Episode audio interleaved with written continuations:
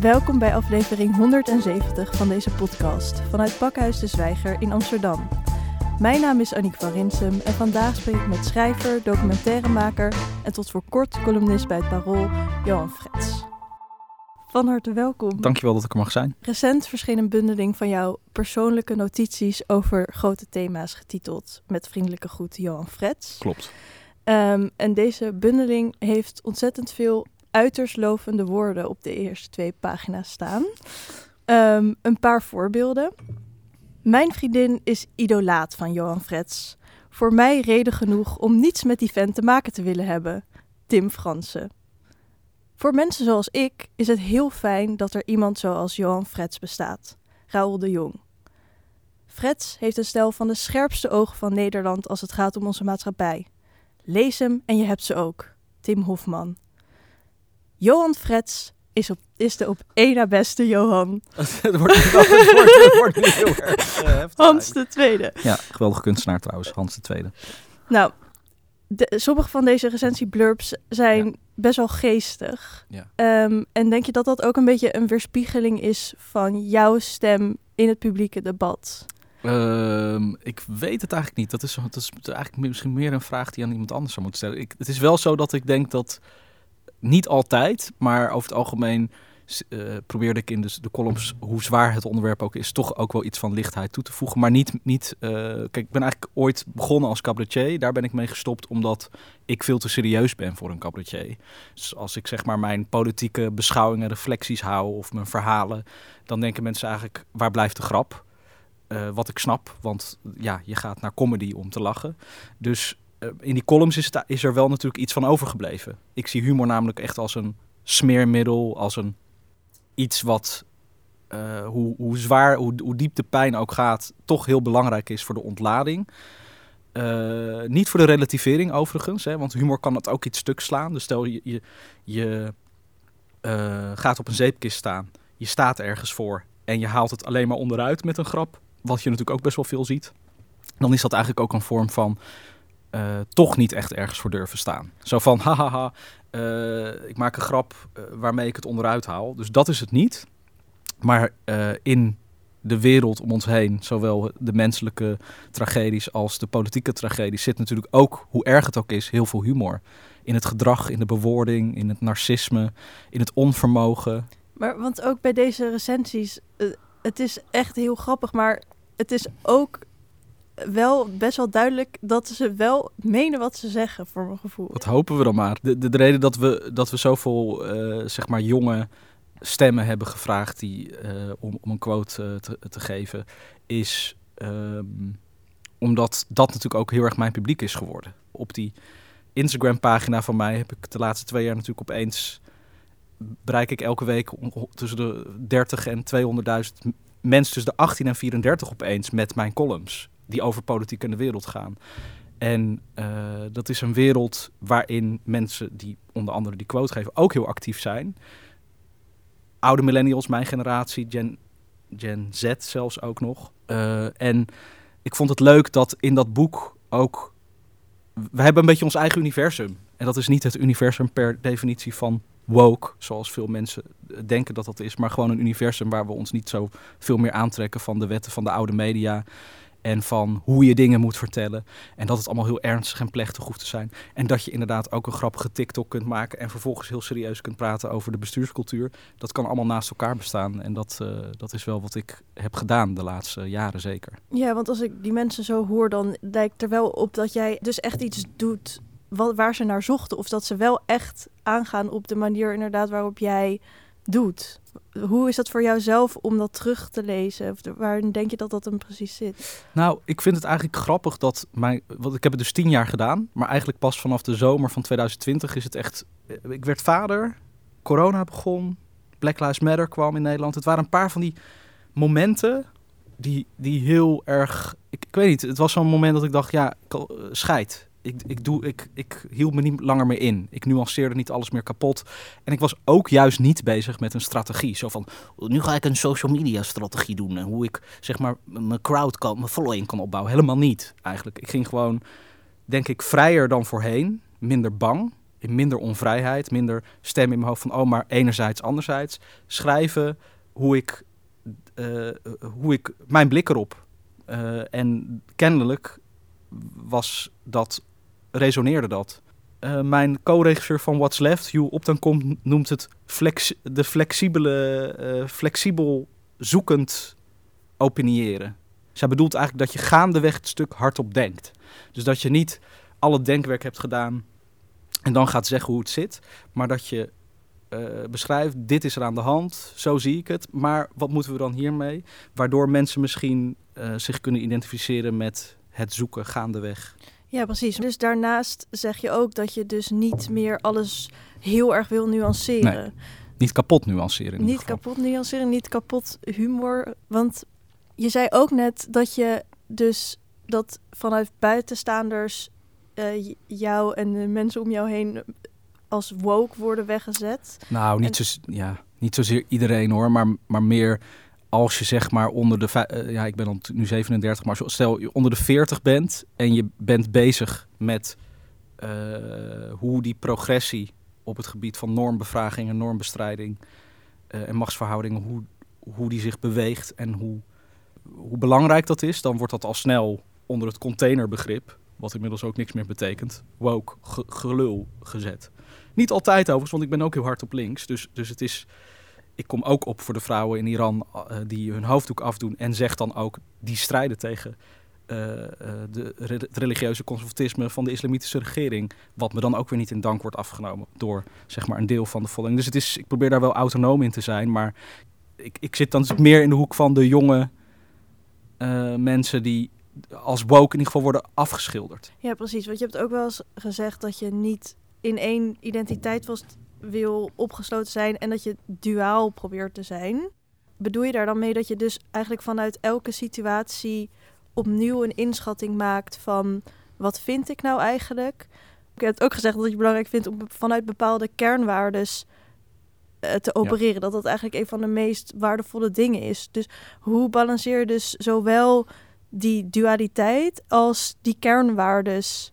Ik, ik denk dat het heel erg hand in hand gaat. Ik denk juist wat, wat ik zo raar vind eigenlijk in onze samenleving en ook in het publieke debat is wat ik dan uh, vaak gedachtegoedpakketten noem. Dus dat als je in een peer group zit waar iedereen links is, dan vind je, ben je en voor, voor klimaatbeleid en voor vlu, uh, ruimhartig vluchtelingen opvangen. En, dus het, het is een soort pakket wat bij elkaar hoort. Maar je, je, je, er zit geen autonomie onder, want kennelijk moet je dat dus allemaal vinden. Terwijl dat is natuurlijk nooit zo. Je, dat betekent dus dat je bent opgehouden kennelijk met het beoordelen van de situaties uh, op basis van je kernwaarden. Dus ik denk juist als je je kernwaarden elke keer als uitgangspunt blijft nemen, dan vertaalt dat zich in dualiteit. Dan vertaalt dat zich in uh, bijvoorbeeld met Iran. Dan weet ik zelf ook wel dat iemand uh, die een hoofddoek draagt in Nederland heel veel last heeft van discriminatie. Absoluut. Van islamofobie. Uh, ontmenselijking. Dat dat heel grof is. Dat neemt niet weg dat dat nog steeds niet hetzelfde is, als ik dat autonoom word, als letterlijk de uh, religieuze onderdrukking van de vrijheid van de vrouw, die een hoofddoek aan moet, omdat ze anders de man op te veel opwint en vervolgens opgepakt wordt. Dus op het moment dat ik dan schrijf over die Iraanse opstand, die eigenlijk gaat over seksuele vrijheid, wat heel linkse thema's eigenlijk altijd zijn geweest, mm -hmm. vertrek ik vanuit de kernwaarden en zeg ik daar ook bij dat, dat het geloof dat in de weg staat. En dan zeggen mensen, ja, maar ik kies er toch ook voor mijn hoofd. Ja, dat, dat mag ook. Dat bescherm ik een andere keer wel weer. Maar dat is dus de dualiteit. Ik, ik, ik ga het niet uh, omdat ik zeg maar in die hoek zit en tegen islamofobie ben, hier dan zeggen, bijvoorbeeld, het is heel erg wat daar gebeurt in Iran, daar moeten we solidariteit mee zijn, maar het is ook heel erg wat er hier gebeurt met mensen die een hoofddoek willen dragen. Dat is hetzelfde. Nee, dat is het dus niet.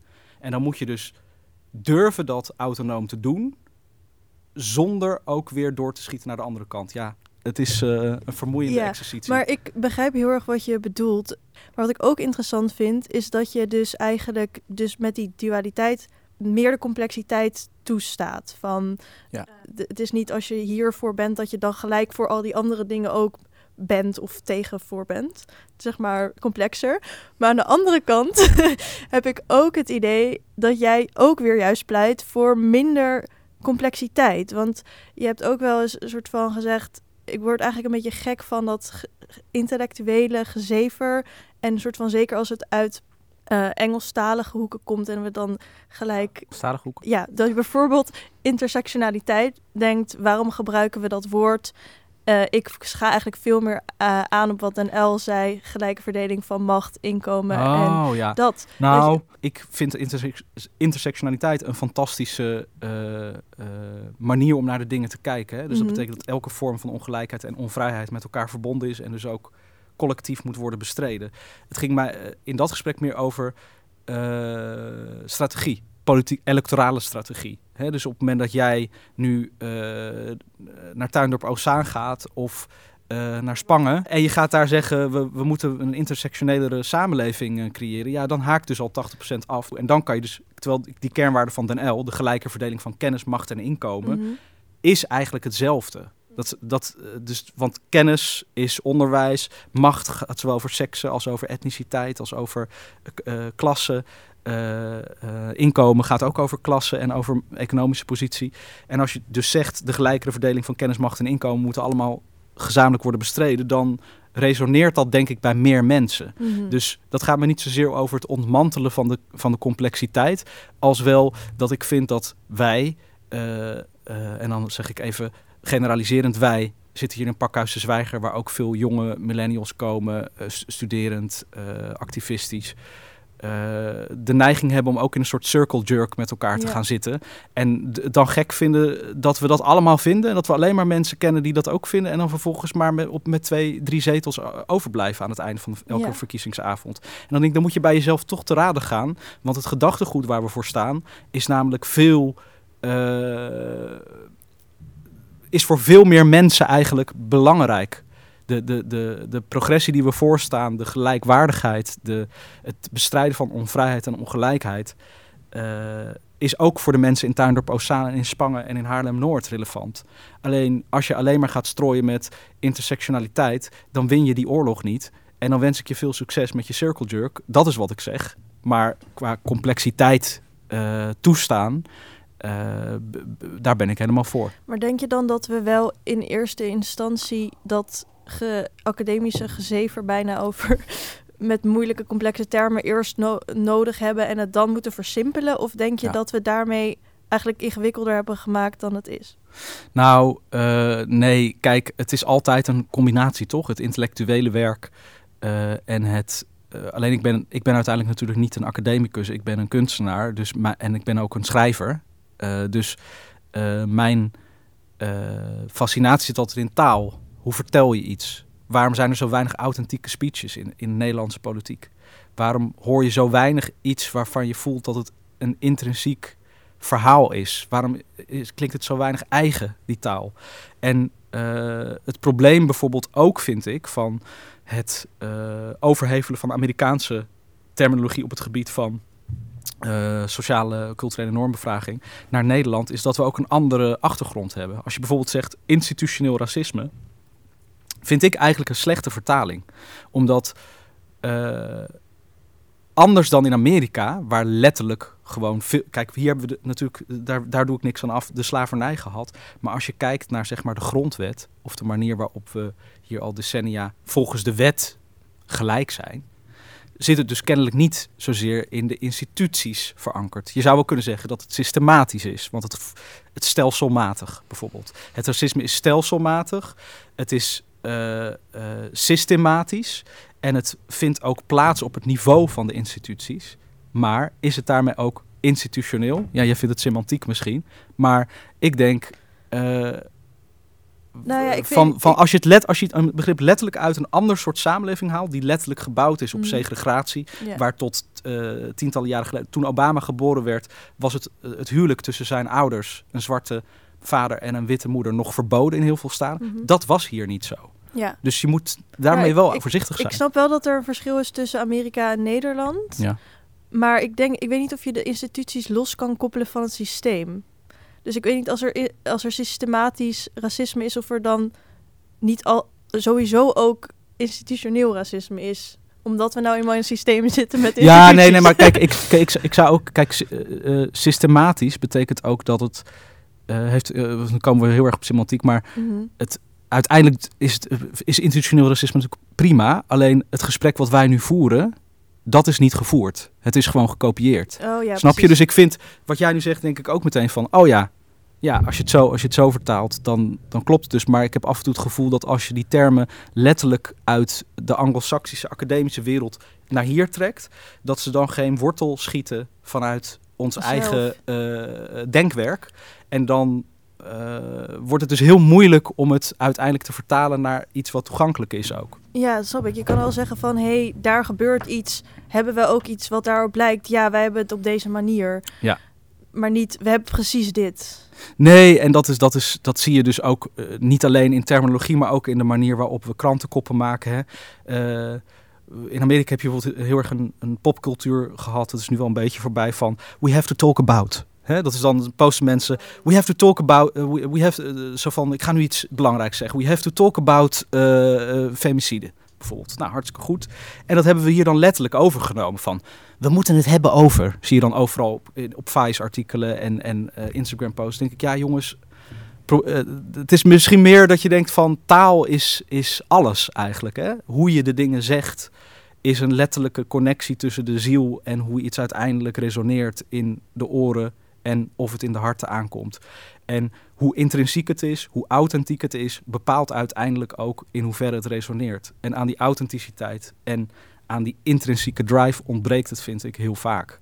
Dus ik hoop dat het intrinsieke en het oorspronkelijke datgene is waardoor de woorden soms van mij hebben geresoneerd bij mensen. Of, of en nog steeds, want ik ga natuurlijk niet stoppen met schrijven, maar met columns. Maar de banale realiteit is natuurlijk ook dat het iets soms ook gewoon scoort, omdat mensen denken dat vind ik ook. En je hebt dus een resonerende authenticiteit, zo blijkt. Maar in je film What's Left eh, heeft je vader, die ook helaas is overleden recent, ook een tip voor je. Want hij zegt, je moet letten op je karakter, dat je niet te veel doorslaat. Ja. Ehm, wat maakte dat hij dit tegen jou zei, denk je? Nou, ik denk dat je dat nu ook al een beetje merkt. Ik bedoel, ik heb de neiging om aan te gaan en te ratelen en hardop te denken. Ik ben ook, eh, ik zit, dat kan ik wel zeker, ik volgende week bij een ADD-specialist, omdat ik dat volgens mij gewoon echt heb. Het is associatief, het is vuur, het schiet alle kanten op. En dat is een bron van oneindige creativiteit, maar het, het kan ook doorschieten, letterlijk, in energie, in overdrive. En ehm, nou, bijvoorbeeld in, in zo'n column, dat zei ik volgens mij ook een keer van, je, je kan soms heel erg op het gas duwen. Dat, doe, dat heb ik niet heel vaak meer hoor, maar dat je echt te veel op het gas duwt omdat je heel boos over iets bent en dan daarna denkt, dan scoort het ook nog, want dat, is, dat, dat scoort. Maar dat is dan vaak niet op een goede manier dat het scoort. Want als het echt goed is, namelijk dan hou je die woede net in. Bijvoorbeeld bij de VVD en de toeslagen had ik iets over armoede. En, en over, toen gingen ze lachen tijdens die toeslagenouders zaten op de tribune. En die VVD had dan toen een speech, een maiden speech ingepland. Zodat ze niet in hoefden te gaan op dat debat. Een, een hele sneaky truc. Toen had ik een column geschreven waar ik echt heel veel woede onder zat. Maar ik had die woede gekanaliseerd. En ik was niet te veel op het gas gaan staan. Waardoor die column eigenlijk nog veel beter is. Dan ben je dus niet, wat mijn vader zegt, doorgeschoten. Terwijl je had makkelijk nog bozer kunnen zijn van... Ze hebben, geen, ze hebben het gore lef om... Ze hebben geen, eh, eh, geen fatsoen in hun mik. Dit zijn onmensen of zo, snap je? Dat, dat, dat is de overdrive. En dat werkt ook, maar dat is cheap. Dat is McDonald's. Dat is zoals een, een, een- Big Macje, voet. En je na een uur denkt... Hm, ja, het gaf even een lekker gevoel, maar ik heb nu toch weer honger. Het is niet voedzaam. Maar gaat dat dan echt over je karakter? Want hij had het toen echt over je karakter. Want Ja, ook woede, toch? is dat een karaktertrek? Nou ja, woede in de zin van, ik, die films sloop ik ook links. Maar je moet natuurlijk uiteindelijk wel... eh, wanneer wordt, zeg maar, de vinger op de zere plek leggen of verzet? Wanneer wordt het destructief? Dat is denk ik de vraag. Hè, dus je, eh, de Duitsers zeggen... eh, was, was, volgens mij is het wasman liep, dat snekt zich. Waar waar je van houdt, dat, dat doe je, dat, dat, dat trek je aan. Dus, dus als, je je, als je bijvoorbeeld in mijn geval de sociaaldemocratie en de PvdA bekritiseert, is dat omdat ik eigenlijk die sociaaldemocratie een heel warm hart toedraag. Maar wanneer schiet het door? Wanneer wordt het alleen maar iets kapot maken? Of wanneer wordt het te persoonlijk? Of snap je? Ja, misschien dat hij wel echt zag dat jij nu op een punt bent dat je juist wel nog ehm, eigenlijk goed in je karakter zit. Uh, want er is ook een ander, ander moment in de film. Dan, ja, dan vraag je van hoe moeten we het doen? Uh, hoe moeten we verder met links? En dan zegt hij, dat is een goede vraag. Maar daarvoor maak je toch die film? Ja. En ik, ik voel daar echt heel veel vertrouwen van je vader uh, ja. uit doorklinken. Hij had echt zoiets van, nou, dat doe je, dat ga je toch doen? Ja, heel, ja, heel ontroerend moment. Ik ben ook heel blij dat we dat hebben, want hij is natuurlijk uh, kort geleden overleden. En dat is echt zo gesprek wat gewoon nu vastgelegd, vastgelegd is en wat er gewoon nog is. En wat ik, ja, op de een of andere manier ben ik ook ergens blij. Ik heb uh, onder de Paramariboom geschreven, wat heel erg een roman is, wat eigenlijk een ode is aan mijn moeder. En mijn moeder is ook een heel kleurrijk, uitbundig iemand. Uh, dus heel veel van mijn lezers hadden het altijd, oh je moeder, je moeder. En met die film hadden eigenlijk heel veel kijkers het juist over mijn vader. Dus ik ben, vond het ergens wel fijn dat ik hem ook een soort standbeeldje heb gegeven. En dat toen hij ook overleed, dat ik ook van heel veel uh, kijkers, onbekende mensen die ik niet kende, berichten kreeg van, oh ik heb zo genoten van je pa in What's Left en koester dat. En dat, dat, dat doe ik ook zeker. Voel je dat vertrouwen ook als, als je hem die dingen hoort zeggen van, daarom maak je toch die film? Ja, nou ja, ik voel vooral heel erg, kijk hij is ik heb een hele tocht afgelegd eigenlijk van best wel vurig zijn naar heel erg zoeken naar verbinding, plezerigheid en me daar weer van bevrijden. En dat heeft hij altijd heel erg aangemoedigd, want hij vindt me als rebel die zeg maar gewoon full fire is, vindt hij me eigenlijk, vond hij me het, het, het op mijn best. Uh, en dat hij dan wel zoiets zegt als niet doorschieten, vind ik eigenlijk zo'n mooie uh, les van met rebellie en verzet bedoel ik niet dat je dingen kapot moet maken of dat je uh, destructie moet bestrijden met, met destructiedrift. Maar, maar dat je altijd wel ook bij je zachte hart moet blijven. En als dan daarna die zin komt, inderdaad, dan ik voel daar heel erg veel vertrouwen in. En eigenlijk zegt hij niets meer dan ga gewoon blijf bij je eigen stem, je eigen weg. Laat je nooit. Ga er ook niet in geloven. Hè? Dat is ook. Uh, dat, want bijvoorbeeld met die column, daar stop ik nu mee. Nou ja, uh, over twee weken uh, is iedereen het ook weer vergeten. En ga, uh, heel goed, dan gaan, wordt de volgende columnist degene, de go-to voor mm. mensen die ze gaan lezen. Mm. Ik hoop natuurlijk wel dat ik met mijn andere dingen ook het publiek wat ik heb opgebouwd kan blijven bekoren. of in ieder geval bekoren, dat, dat weet je nooit. Maar in ieder geval dat ze geïnteresseerd zullen zijn in de dingen die ik nu ga maken. Maar ik maak me daar geen illusies over. Het is ook heel vluchtig. En als je ergens in gaat geloven, in jezelf, dat zie je ook vaak bij ofwel dat is Twitter bijvoorbeeld. Dat, daar, heb ik ook, de, daar ben ik wel wat meer gaan doen het afgelopen jaar, omdat ik dacht, die film komt eraan.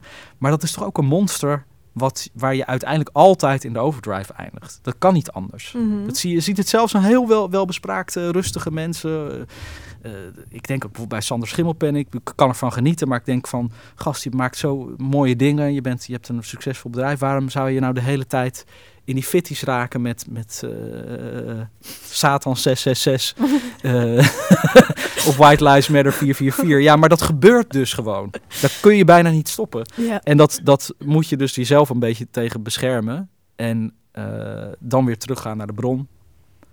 En teruggaan naar de bron is dus ook, in mijn geval, je hebt een column die heel goed gelezen wordt, succesvol is, impact heeft. Maar denken van, ja, maar ik wil, vind nu eigenlijk al tijd voor andere dingen. En anders, en het is eng, maar mijn stem, maar ik voelde echt, het is nu klaar. Dus dat heb ik dan toch ook maar gedaan. En waarom voelde je dat dan?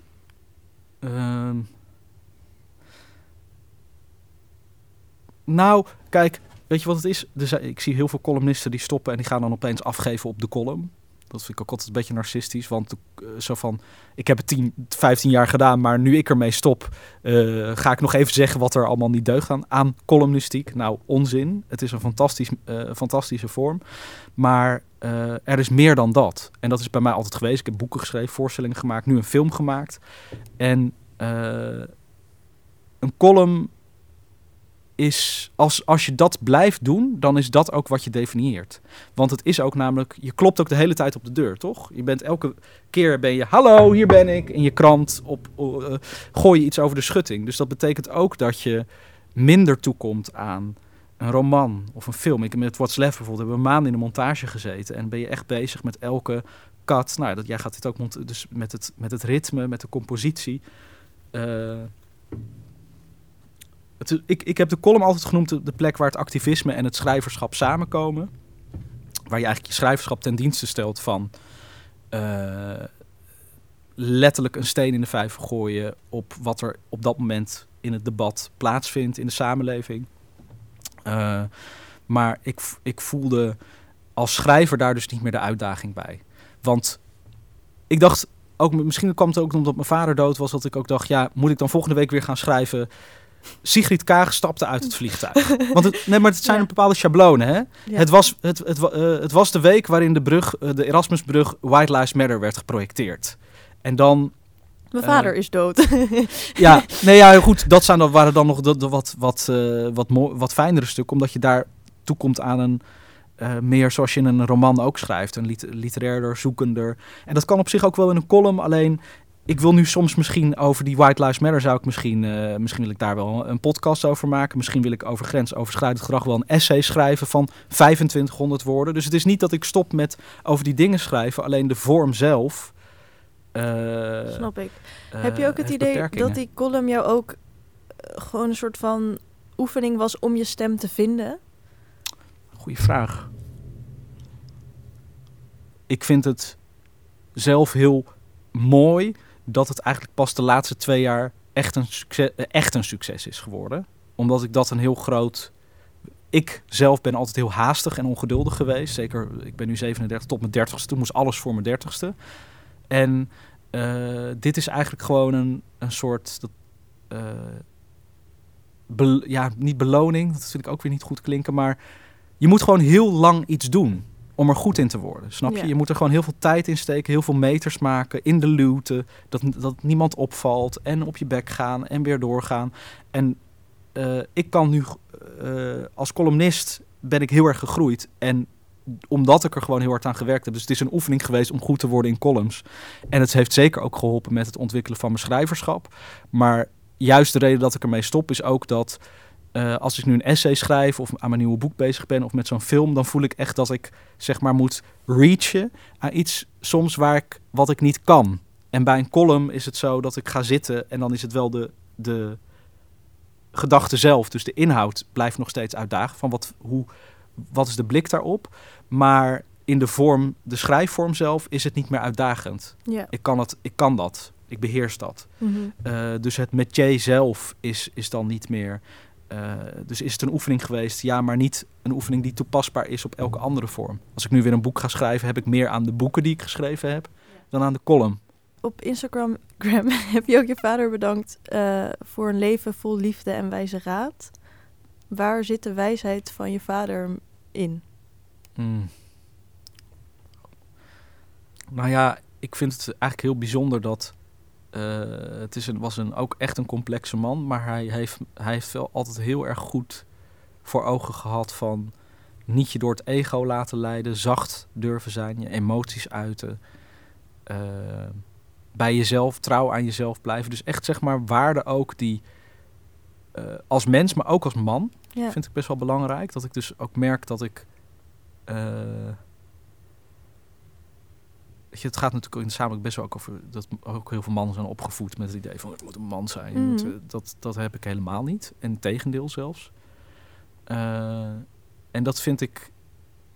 Ja, daar heb je eigenlijk zoveel aan. Dat, daar is alles op terug te brengen, toch? Je emotionele volwassenheid, je, je vermogen om kwetsbaar te durven zijn, eh, om open te zijn, maar ook om wel voor jezelf op te komen, om trouw te blijven aan je waarden, om van jezelf te houden. Ja, het klinkt allemaal, het wordt allemaal heel erg eh, happiness. Maar eh, nou ja, het, het zijn best moeilijke... Het zijn, dit is niet makkelijk om dat te doen, al die dingen die je nu noemt. Het Nee, niet zo van nee. la la la la la, we huppelen door de wereld. Zo. Nee, nou ja, ik, ik vind het best wel. Kijk, ehm, dat vind ik ook lastig aan zeg maar het hebben van een.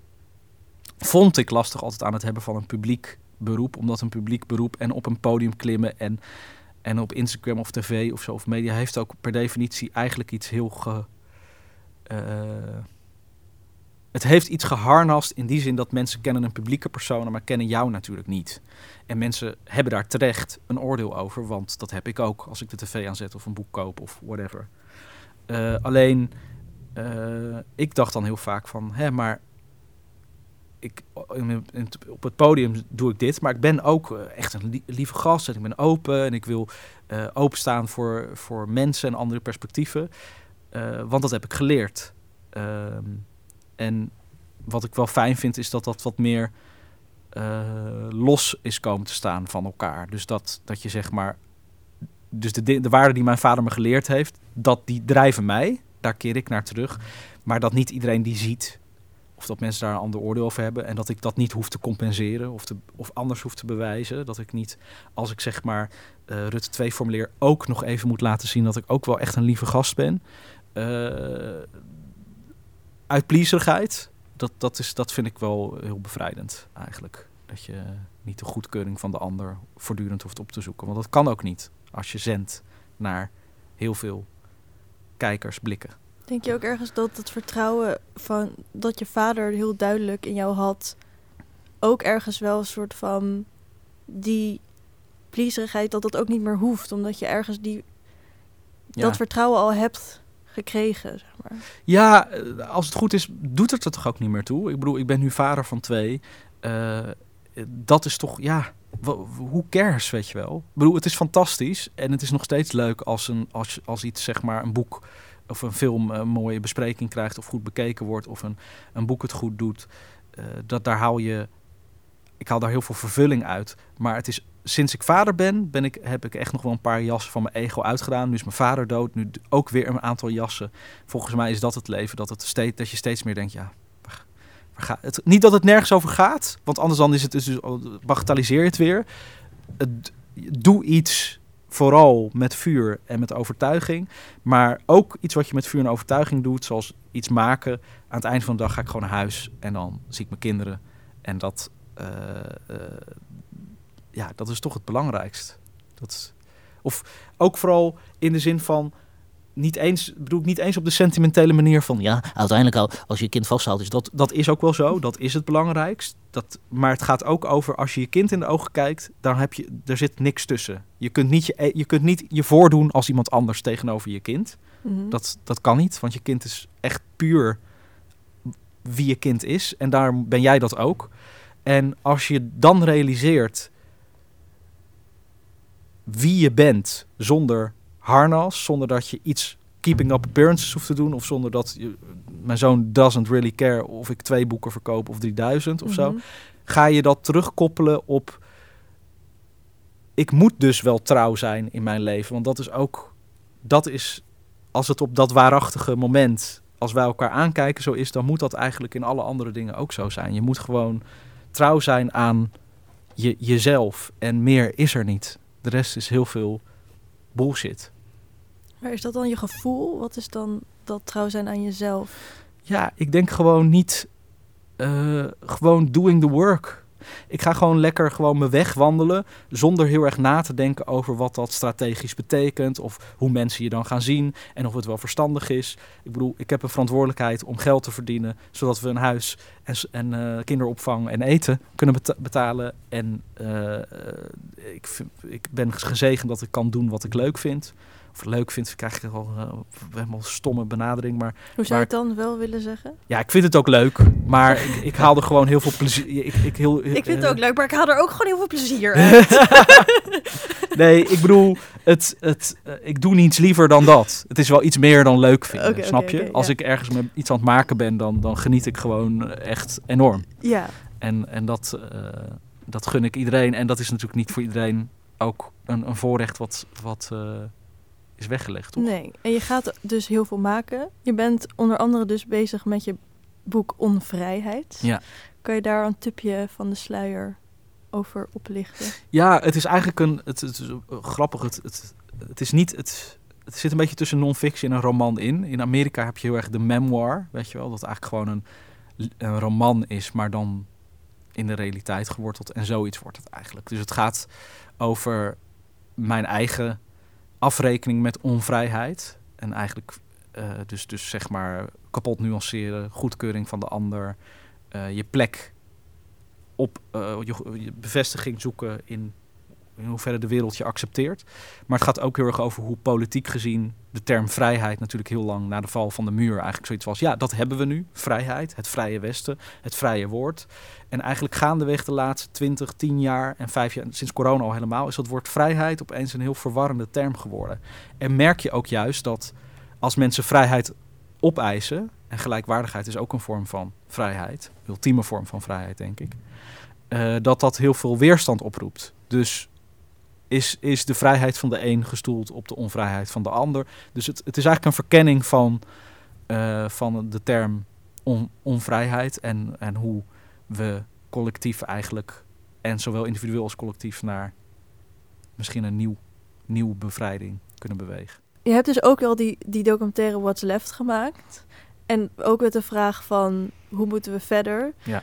Ehm, is dat, dat ja, die ideeën over onvrijheid, hoe linken die ook aan die vraag van hoe moeten we verder met links? Nou, ik denk dat het, dat, kijk, links is heel di- direct binnen het ideologische spectrum. Het gaat echt over politiek. En dit boek gaat meer over, eh, gaat, uiteindelijk is alles politiek, maar is, is breder dan links. Snap je? Het is Ja. uiteindelijk ook gewoon meer op het menselijke niveau en op. op eh, en ook, in de, ook als je het dan over vorm hebt, ik bedoel, over de, de toekomst van links of de, de, de is, is, is ook een ander soort taal. Ja, en Dus die, ook zeg maar een- die film, je zou ook kunnen zeggen, What's Left gaat over hoe kunnen we weer tot die vrijheid komen die je net noemde, dat in de zin van Ja. dat het gelijkheid is. Ja. Alleen dan maak je het dus politiek, ideologisch.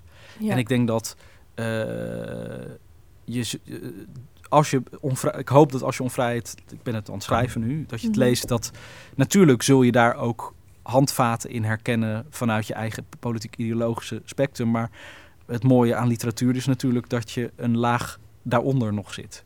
En dat een boek eh, van Edouard Louis bijvoorbeeld, eh, Weg met Eddie Bellegu, wat gaat wel over armoede en over hoe, zeg maar, de onderklasse compleet vernietigd wordt. Dat zit er wel in, maar het, het is niet.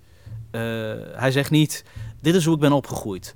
Dat is een direct gevolg van de politiek van, de, van het neoliberalisme. Snap je? Dus Mhm. dat, dat is ook wa- waardig. Ik bedoel, als je een politiek pamflet schrijft, de- de- misschien doe ik dat ook nog wel een keer, maar dat is een ander soort route. Mhm. What's Left zit meer in dat spectrum. Is een Mhm. pamflet van dit is er mis, politiek. En zo eh, komen we daar misschien uit. En eh, ik denk dat onvrijheid meer een boek is. Eh, meer in de wereld van de verbeelding zit. En wat minder in de wereld van het debat. Dat is, dat is denk ik hoe ik het eh, zie. zelf. En wat verbeeld je dan bijvoorbeeld? Als ik een roman lees, zoals De Ondergrondse Spoorweg of eh eh, Glamorama van eh Bret Easton Ellis, dan gaat het om de scènes, om de verbeelding, om het ritme, om de compositie, om de, de zintuigelijke ervaring eh, die ik beleef door dat boek te lezen. Eh, een van mijn lievelingsboeken, De Geschiedenis van de Liefde van, eh, van Nicole Kraus, gaat heel erg over goed en kwaad en over verzet en over de overlevering van kunst. Maar het is de verbeelding die mij tot die vragen brengt en tot Mhm. de eh, emotie. En, en dat, dat is een. Dat is ook. Je kunt van een boek dan. Je kunt ook niet zeggen: ik ben het er mee eens of niet. Dat vind ik Mhm. ook lekker. Het is een ander Ja. soort wereld. Verbeelding betekent niet per se dat het fictie hoeft te zijn, maar het betekent wel dat het zich meer in het domein van de kunsten bevindt dan in het domein van het debat, Ja. denk ik. En dat is, daar, geef je, daar is meer vrijheid eigenlijk ook misschien. Ja, het is, het is dus jammer, eh, en je moet je er ook een beetje scheid aan hebben, dat ik vind de stof in Amerika heb je dus de memoir, Mhm. En in Frankrijk is het ook wat gebruikelijker. Hier hebben we dat niet. En als, je, als ik nu zou zeggen, ik ga een non-fictieboek schrijven, heb ik er zelf al geen zin meer in. Mhm. Want ik, ik hou wel af en toe van een non-fictieboek lezen van over McKinsey of zo. Of, of, of eh, over een, eh, een biografie. Of over waarom is eh, geld eh, ooit, of het kapitalisme ooit eh, ontstaan. Dat is een non-fictieboek. Kan ook fantastisch. En hier, als we dan iets verbeeldends willen lezen, dan lezen we romans. Maar bijvoorbeeld Grand Hotel Europa van Ilja Vijver gaat gewoon over massatoerisme. Maar het is toch een verbeelding. Het is vanuit de verbeelding. Ja. Dat is een goed voorbeeld misschien. Maar ik, ik zou ook wel echt willen zeggen dat ehm, de verbeelding, dat dat niet per se ehm, geen non-fictie is. Eh, Nee, nee. Want ja, onze he- hele, zeg maar, zo'n groot gedeelte van wie we zijn als mens stoelt zich op verbeelding. En misschien is verbeelding meer los van wat we al hebben verbeeld, of soort van. Ja, ja, maar het gaat over vorm, hè? Hoe geef je het vorm? Dus kijk, non-fictie is letterlijk... eh, gaat over vormgeving. Dus als jij zeg maar... eh, kijk, eh, bij wijze van spreken... Als, als ik dit eh, gesprek wat we hebben eh, zou gebruiken voor een scène... dan kan dat zowel een scène zijn die heel narratief is... en in, het, in de taal en, de, en de, de, de vorm dus toch in de wereld van de verbeelding terechtkomt. Ook al is hij heel erg in de realiteit. Gebeurt het echt? Maar als, het, als ik het zeg maar meer op een journalistieke manier oppen, ja, dan is het dan heeft het. Beetje Dan, plat ook ergens. ja, maar ook weer niet natuurlijk, want het is ook een, heeft ook een waarde, zeg maar. Als je gewoon de krant leest Mhm, eh, eh, of, of een eh, reportage, mhm. dat, ja, dat is ook interessant. Hè? Bijvoorbeeld een reportage in de krant heeft vaak iets heel erg meer non-fictie. Terwijl bijvoorbeeld hoe Marcel van Roosmalen een reportage maakt. Met die trag, tragicomiek, de details, de, de, eigenlijk ook zijn subjectieve blik er meer in gebruiken. Dan wordt het toch alweer meer literatuur. Maar goed, nogmaals, dat zijn ook allemaal schotten die we er maar plaatsen. Dus daar moet je ook scheid aan hebben. Dat is in ieder geval iets Eh, waar jij heel veel zin in hebt. ik ben op een punt gekomen dat ik meer bezig wil zijn met, nu even in ieder geval, meer, dus niet per se helemaal niet meer, maar meer met creëren dan met reageren. Eh, en ik, ik eh, merk ook dat, grappig genoeg, ook bij heel veel mensen ook die behoorlijk uit het activisme komen, het politieke kunst, ook zelf zin hebben om... ehm, ik bedoel, Amanda Gorman had in dat gedicht The Hill We Climb, had het eigenlijk over de heuvel die we beklimmen. En eigenlijk heb ik het gevoel dat het publieke debat heel erg gaat over eh, waarom staan we stil? Of wat zijn de obstakels? Eh, de vinger op de zere plek. We, we, er is strijd over wat het proble- probleem is op die heuvel. Terwijl ik wil eigenlijk op een gegeven moment, als je daar je hele leven aan wijdt en al je energie, dan ben je ook niet bezig met het creëren van de wereld die achter die heuvel ligt Ja. kijk, als schrijver ga ik nu een boek schrijven. En dan zit ik gewoon eh, in mijn kamer eh, met alles uit, want ik heb ADD. Dus anders dan wordt het niks met dat boek. Eh, maar ik heb ook een hele grote associatieve energie. En ik ken ook heel veel mensen, jonge, jong talent. Ik heb heel veel ideeën van, oh, er moet een serie over dat of een docu over dat. En ik zocht gewoon een, een plek om dat tot bloei te laten komen. En om de handschoen ook op te pakken. Heel veel mensen vroegen, nou, wat left, ga je dan nu de politiek in? Dus ik zei, nee, ik ga niet de politiek in. Ik ga dit doen. Want dit is wat ik, dit is wat ik, dit is mijn vorm. Je gaat de verbeelding in. ja, precies. Nou, wel, het, is wel, het, zal het zal altijd wel geworteld zijn in de wereld. Maar eh, dus, dus ik ben nu dingen aan het ontwikkelen. Dus documentaire series. eh, soms ook iets eh, fictie. soms kan het ook een, ehm, een programma zijn over een bepaald thema wat, wat ik belangrijk vind. En eh, ik geloof heel erg dat met name non-fictie in eh, mijn generatie en in, in, in jouw generatie echt een mainstream eh, ding is geworden. Toen ik op de filmacademie zat in 2004, toen was documentaire echt iets highbrows. Voor, Mhm. vond ik toen ook tof. Voor mensen die zeg maar in de bubbel zaten en naar ITVA gingen. En, eh, Grote ja, ideeën je moest naar, over de wereld, je moest- belangrijke ja, dingen. je moest Ja. naar een klein schimmig filmhuis om een Ja. documentaire te zien. En af en toe was er Michael Moore bijvoorbeeld, die, wat, wat dan wel voor de massa was. Maar nu, als je Netflix aanzet of HBO, dan, zie je, dan kijk je gewoon... Waar, wat ga je kijken? Nou, het kan net zo goed een docu-serie zijn als een fictieserie. Mhm. En het is zo ingeburgerd eh, dat ik vind dat een fantastisch medium. En ik vind dat het in Nederland eigenlijk nog bar weinig gebeurt. Docu-series over politiek, maatschappij, eh, popcultureel relevante, historisch eh, dingen die tof zijn. Het hoeft niet allemaal eh, zwaar politiek te zijn. Hè. Het kan ook een, eh, een docu zijn over de housecultuur in Nederland of, eh, of de geschiedenis van de, de Nederlandse hip-hop. Weet je, het, is breder dan linkse politiek, eh, maar eh, wel eh, dingen die, eh, die ik zelf zou willen zien en eh, zou willen maken, dus ook. En onder de Paramaribo wordt ook verfilmd. Ja. Ehm, wat moet daarin, wat jou betreft, naar voren komen, voor, zowel inhoudelijk als ook in die vorm waar we het nu over hebben? Eh, dat is uiteindelijk. Ik heb wel het script geschreven in samenwerking met, met eh, Giancarlo Sanchez, regisseur. Maar laat dat daarna ook echt los. Want het is mijn roman. Ik heb al eh, de, de bewerking gedaan. En dan is het vervolgens ook echt aan de regisseur om daar hopelijk een heel mooie, tragicomische, zinderende film van te maken. Oké, maar wat heb je dan in het script nog erin meegegeven? Nou, het is de vertaling geweest van een boek waar alles eigenlijk in het hoofd van de, van de hoofdpersoon zit. Dus ik loop hier en ik denk dit. Dus dat kan natuurlijk niet in een, in een film. In een film moet je het zien wat iemand doet, de handeling of de dialoog. Dus dat was best moeilijk. Omdat er helemaal niet zoveel gebeurt in onder de Paramaribomen. Het is gewoon iemand die zwerft door die stad en tot door ontmoetingen uh, tot inzichten komt. Dus je, dus. Uh, ja, ik vond het boek zelf ook al best wel filmisch geschreven eigenlijk. Oh ja.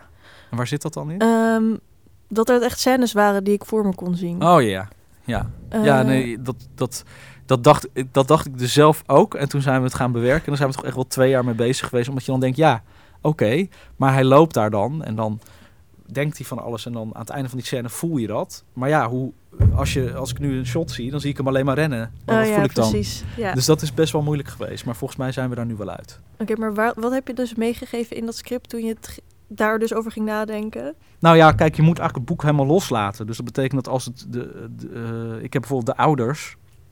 waren in het boek alleen maar jeugdherinneringen. En in het heden was die moeder in Suriname, maar die vader niet.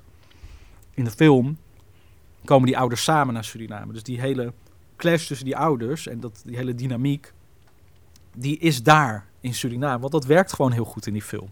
In het nu. Dat. dat, dat, dat, dat prikkelt, dat confronteert, het is grappig. Uh, dus het, het is technischer, denk ik, dan je vraag. Je, je vraag is filosofischer, uh, terwijl het is eigenlijk technischer. Van je wil er gewoon een leuke film van maken. Nee, nee, nee, nee, nee, nee, nee, maar ik bedoel, nou ja, ik wil ook dat het een leuke film is, maar meer van hoe krijg je het, de, de, de jongen is eigenlijk, denk dat hij een witte jongen is, landt in Suriname en komt er langzaam achter dat hij ook een Surinamer is. Dat is eigenlijk het verhaal. Hij, dat hij een deel van zichzelf heeft weggesneden en door de moeilijke band met zijn moeder en de, zijn jeugdgeschiedenis. Dus film is archetypischer. Dat zei de regisseur tegen mij. Het, het is, je hebt anderhalf uur, je hebt niet 300 pagina's. Dus je moet pennenstreken neerzetten waarin je... Uh, ja, als, als dit gebeurt, dan voel je dat er iets gebeurt bij de pers persoon. En dat moet een aantal keer gebeuren tot, je, tot hij daar komt. Ja. Dus je bent heel technisch bezig met... Oké, okay, ik kan hem daar moeilijk laten zeggen... Ja, vroeger was het heel moeilijk met mijn moeder. dan wordt het heel soapy. Ja. Dus hoe doe je dat dan? Ja, dat, dat moet dan We gaan het zien, denk ik. op een andere manier duidelijk worden. Je column stopt, maar er komt iets nieuws wekelijks. Ja. Waanzinnig land. Ja. Waanzinnig plan, denk ik. Vertel er eens meer over. Nou ja, het is uh, uh, een... een uh, het, het, le het leek mij heel erg tof om op een muzikale, meer satirische, maar ook een meer verdiepende een, een, een, gekke nieuwe vorm die ik nog niet heb uitgeoefend om ook door de week heen te razen. En, en uh, dat uh, wordt, heeft de werktitel Waanzinnig Land. En dat zal ook zeker gaan over politiek en actualiteit. Want het is een beetje een knipoog naar Rutte.